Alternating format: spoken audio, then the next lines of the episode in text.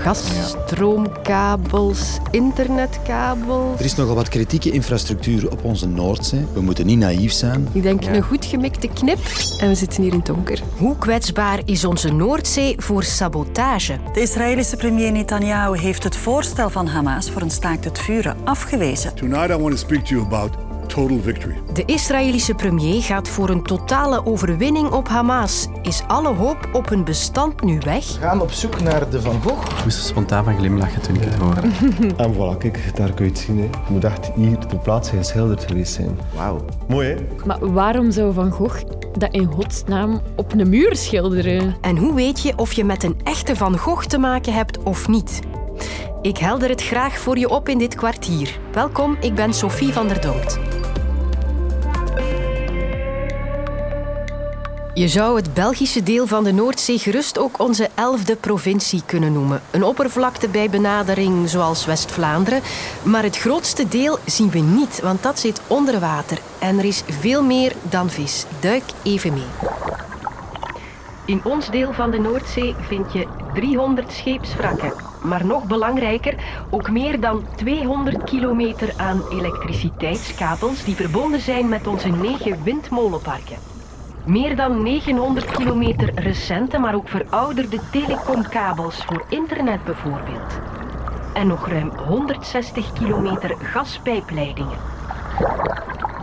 En als daar iets mee gebeurt, dan zitten we natuurlijk met een ernstig probleem. Onze minister van de Noordzee, Paul van Tichelt, kondigde nu een samenwerking aan met Nederland, Duitsland, het Verenigd Koninkrijk, Noorwegen en Denemarken. We proberen dus die kritieke infrastructuur op onze Noordzee beter te beveiligen. Uh, we bouwen hier heel concreet een, een, nieuw informatieplatform. En via dat platform kan informatie tussen die zes landen op een beveiligde manier worden uh, uitgewisseld. Informatie is natuurlijk belangrijk om onze operaties van onze politie, van ons leger te sturen. Daar gaat het om een betere bescherming. Ik haal er even Luc van Bakel van onze checkredactie bij. Hey, dag Sophie.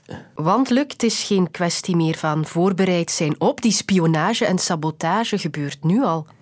Wel, de Belgische marine die spreekt eigenlijk van een continue dreiging. Dat wil zeggen dat er heel regelmatig schepen passeren waarvan men vermoedt dat die spionageopdrachten uitvoeren. Om een voorbeeld te geven, in december nog bleek dat een Russisch onderzoeksschip, de admiraal Vladimirsky, uh, door onze wateren uh, voer langs Nederland, langs België en telkens zijn GPS-systeem uitschakelde en bleef hangen in de buurt van die windmolenparken in België, in Nederland en ook aan andere Europese landen. Dus er zijn wel incidenten bekend. Ook meer naar de Scandinavische landen toe zijn al datakabels beschadigd geraakt, waarvan men vermoedt dat het om sabotage gaat. Dus er zijn incidenten, er zijn wel degelijk aanwijzingen dat bijvoorbeeld Rusland, maar ook China, ja, heel veel interesse hebben in die onderwaterinfrastructuur hier, omdat je nu eenmaal op die manier heel snel een bevolking van een land kan raken. Denk aan je bankactiviteiten. Denk aan je internet, aan je elektriciteit. Alles loopt via de zee. We zijn nog nooit zo geconnecteerd geweest tussen landen onderling en daar is de zee heel belangrijk in. En als onze marine dan iets verdacht ziet, wat kan ze dan doen? Bijvoorbeeld als zo'n schip te lang uh, in de buurt van een windmolenpark blijft hangen, dan sturen zij zelf een patrouilleschip. België heeft bijvoorbeeld twee schepen klaar liggen om zo uit te rukken. Ze doen dat vaak met de marine van Nederland, want dat is een hele intense samenwerking. Dus dat er een continue controle is van de Noordzee. Uh, als dat nog niet genoeg is, kan er ook een vliegtuig worden uitgestuurd. Maar echt ingrijpen is moeilijk. Want ja, wat doet een schip daar? Het is moeilijk te zeggen als iemand onderwateractiviteiten doet. We kunnen dat niet echt controleren. En dan wordt het meer een, een soort van kat-en-muisspel. Dus de Belgische marine die gaat naar dat Russische schip toe, blijft daar wat liggen om te laten zien van kijk, wij zijn hier.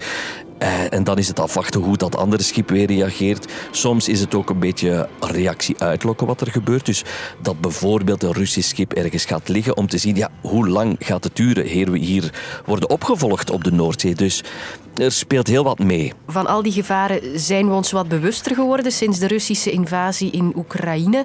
Maar daarmee waren we misschien al te laat. Het algemeen aanvoelen is toch een beetje dat Europa en de westerse landen lange tijd wat naïef zijn geweest. Er is heel veel gebouwd, men ging uit van een veilige situatie. Wat bleek, ja eigenlijk moeten we toch meer gaan inzetten op die beveiliging van die infrastructuur. Er wordt gespioneerd, we moeten ons daar terdege van bewust zijn. En we moeten ook investeren in een beveiliging daarvan. Het is te belangrijk, er ligt te veel eh, daar onder water om zomaar eh, niet te bewaken. En vandaar dus nu de zes Noordzeelanden die verdachte bewegingen gaan registreren en delen met elkaar. Bedankt, Luc. dag.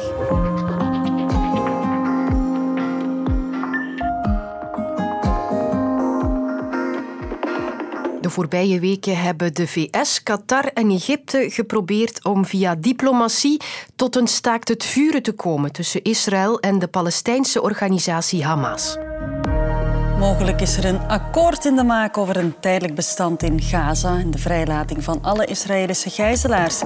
The U.S. Secretary of State Antony Blinken is in the middle of a ceasefire negotiation between Israel and Hamas. Er is misschien ook een deal in de maak over een gevechtspauze van twee maanden. Maar toen ik gisteravond hoorde wat de Israëlische premier Netanyahu allemaal vertelde op zijn persconferentie, leek die hoop op een staakt het vuren te smelten als sneeuw voor de zon. Tonight, I want to speak to you about total victory.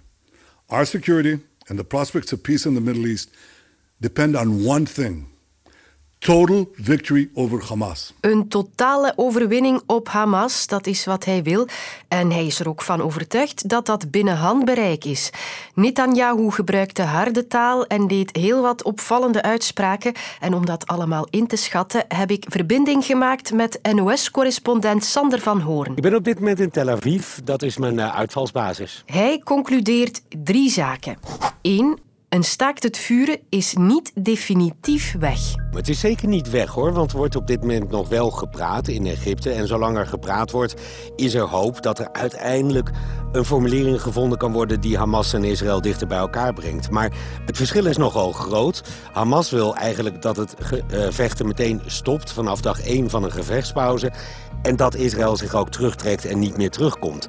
Dat is niet alleen voor Israël onacceptabel, dat is eigenlijk ook wel voor de Amerikanen onacceptabel. Die zeggen dat Hamas niet meer terug mag komen in Gaza.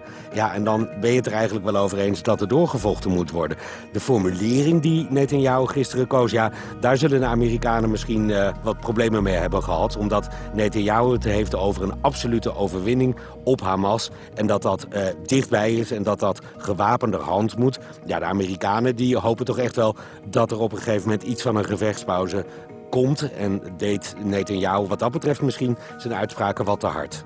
Dus een staakt het vuren is zeker niet van de baan. Het is door de uitspraken van Netanyahu niet dichterbij gekomen. En wat duidelijk is, is dat er in elk geval nog veel punten te overbruggen zijn. Twee.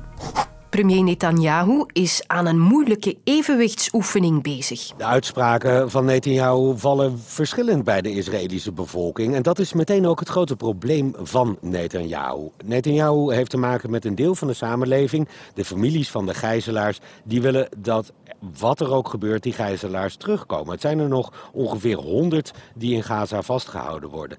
En dat staakt het vuren, dat zou daarin moeten voorzien emotionele tafereelen gisteren van families die huilend bij Netanyahu ervoor pleiten om hiermee akkoord te gaan. Maar er is nog een andere groep in Israël. En daar heeft Netanyahu ook rekening mee te houden. Omdat die groep ook vertegenwoordigd is in zijn regering. En die zegt, we moeten eigenlijk met niemand rekening houden. Niet met de Amerikanen, niet met de Europeanen, met niemand. Want we kunnen dit winnen. En wat je dus gisteren zag van Netanyahu is een balanceeract voor het thuispubliek. Waarbij hij die beide partijen tevreden probeerde te stellen. Het probleem is natuurlijk dat als je dat met beide partijen probeert... dat het uiteindelijk bij niemand lukt. En zie je dat de populariteit van Netanyahu alleen maar aan het dalen is. En dus is Netanyahu niet alleen bezig met een gevecht in Gaza... hij is vooral ook bezig met een gevecht voor zijn eigen politieke overleven. En drie, de totale overwinning waar Netanyahu over sprak is nog niet zo zeker. Total victory over Hamas will not take years. It will take months. Victory is within reach. Een totale overwinning lijkt me onmogelijk. Sowieso is een van de problemen op dit moment Hoe definieer je dat? Hoe geef je het leger mee wanneer een overwinning bereikt is? Is dat als de twee grote leiders van Hamas in Gaza, de militaire leider en de politieke leider, als die zijn opgepakt of gedood? Is dat als alle tunnels en alle raketten zijn vernietigd? Is dat als alle Hamas-strijders gedood zijn? Of is dat als het hele idee Hamas verdwenen is uit de Gazastrook? Nou, dat laatste, dat is sowieso onmogelijk. Maar ook die andere dingen zijn behoorlijk ingewikkeld. En omdat Israël en ook Netanyahu daar niet echt een duidelijk beeld van heeft... is het sowieso heel erg lastig voor te stellen... wanneer voor hem nou die totale overwinning bereikt is. Stel je voor, je bent aan het verbouwen in je huis of je appartement. Je sloopt een gipsmuur en plots doe je wel een heel merkwaardige ontdekking. Een vriend was komen helpen op een dag en die was met een koevoet goed aan het eh, rammelen aan de muur. En opeens werd hij wat voorzichtiger en zei hij, maar er steekt er iets achter. Ik dacht dat hij aan het lachen was en dan zei hij, nee, nee, maar ben serieus, er zit er iets achter. En dan kijkt hij en zegt hij, het is, uh, het is een Van Gogh.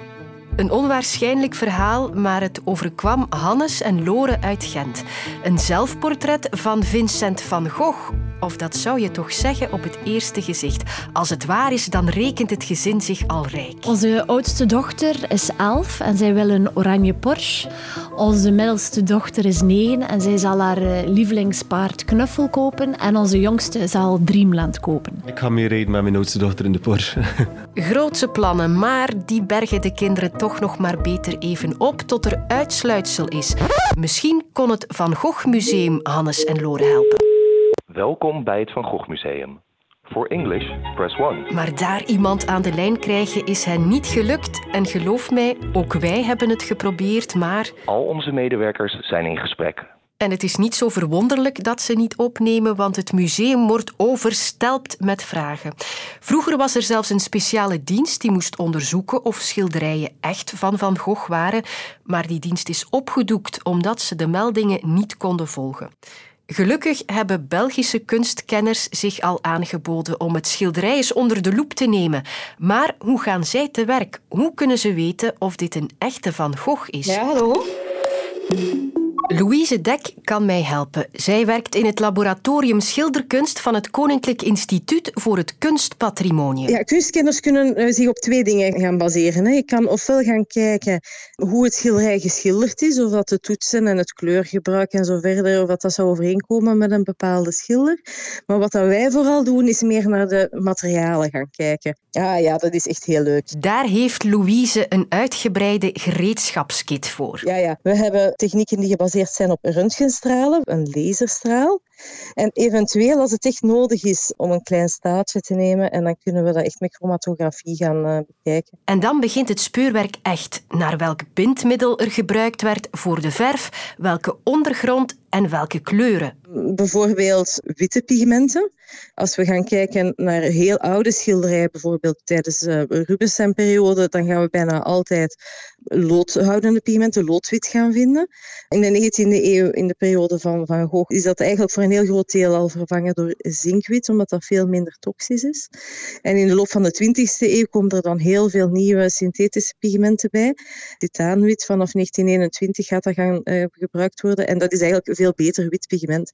Dus als wij in dit schilderij bijvoorbeeld zinkwit zouden uh, tegenkomen, dan zouden we wel kunnen denken van, ah ja, dat zou wel eens kunnen um, een 19e eeuw schilderij zijn. En wat ook helpt, het werk van Van Gogh is al in detail bestudeerd, waardoor Louise en Co. veel vergelijkingsmateriaal hebben. Dus wij weten vrij goed welke gele en blauwe en groene en witte pigmenten dat hij in zijn carrière gebruikt heeft. Bijvoorbeeld um, is een pigment dat in veruit de meeste van zijn schilderijen voorkomt. En als je dat dan ook tegenkomt in, in het schilderij dat in Gent is gevonden, zou dat ook een, een mooie aanwijzing kunnen zijn voor, uh, voor een Van Gogh. Maar het allerlaatste woord gaat nog altijd wel komen van mensen die ook naar de stijl gaan kijken. Want het kan ook altijd een tijdsgenoot geweest zijn die toevallig met eenzelfde palet heeft geschilderd.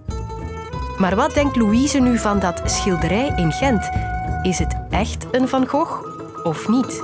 Ik, zou, ik zou die mensen geweldig hard toewensen, want ik vind het echt een schitterend verhaal en ik zou het echt superleuk vinden moest het nu echt een Van Gogh zijn. We moeten natuurlijk wel een beetje realistisch blijven ook. Het is een klein beetje onhandig geschilderd. Er zijn meer schilderijen die naar Van Gogh gemaakt zijn door andere mensen dan dat er echt schilderijen van hem zelf gemaakt zijn. Dus uh, ja, er zijn heel veel kansen dat het toch nog een, een wordt voor die eigenaars ook. Maar ik wens hen het echt van harte toe. Het verhaal over het verborgen schilderij kwam trouwens van onze stadsjournalist in Gent, Wart Schoepen. Je kunt het ook in geuren en kleuren ontdekken op 14nieuws.be. Word jij soms moedeloos van het klimaatnieuws? Luister dan naar de podcast Ons Klimaat. Helene van der Beke en Vincent Merks gaan samen met een bekende Vlaming op zoek naar wat er in Vlaanderen wel al gebeurt voor het klimaat. Elke maand in de app van VRT Nieuws.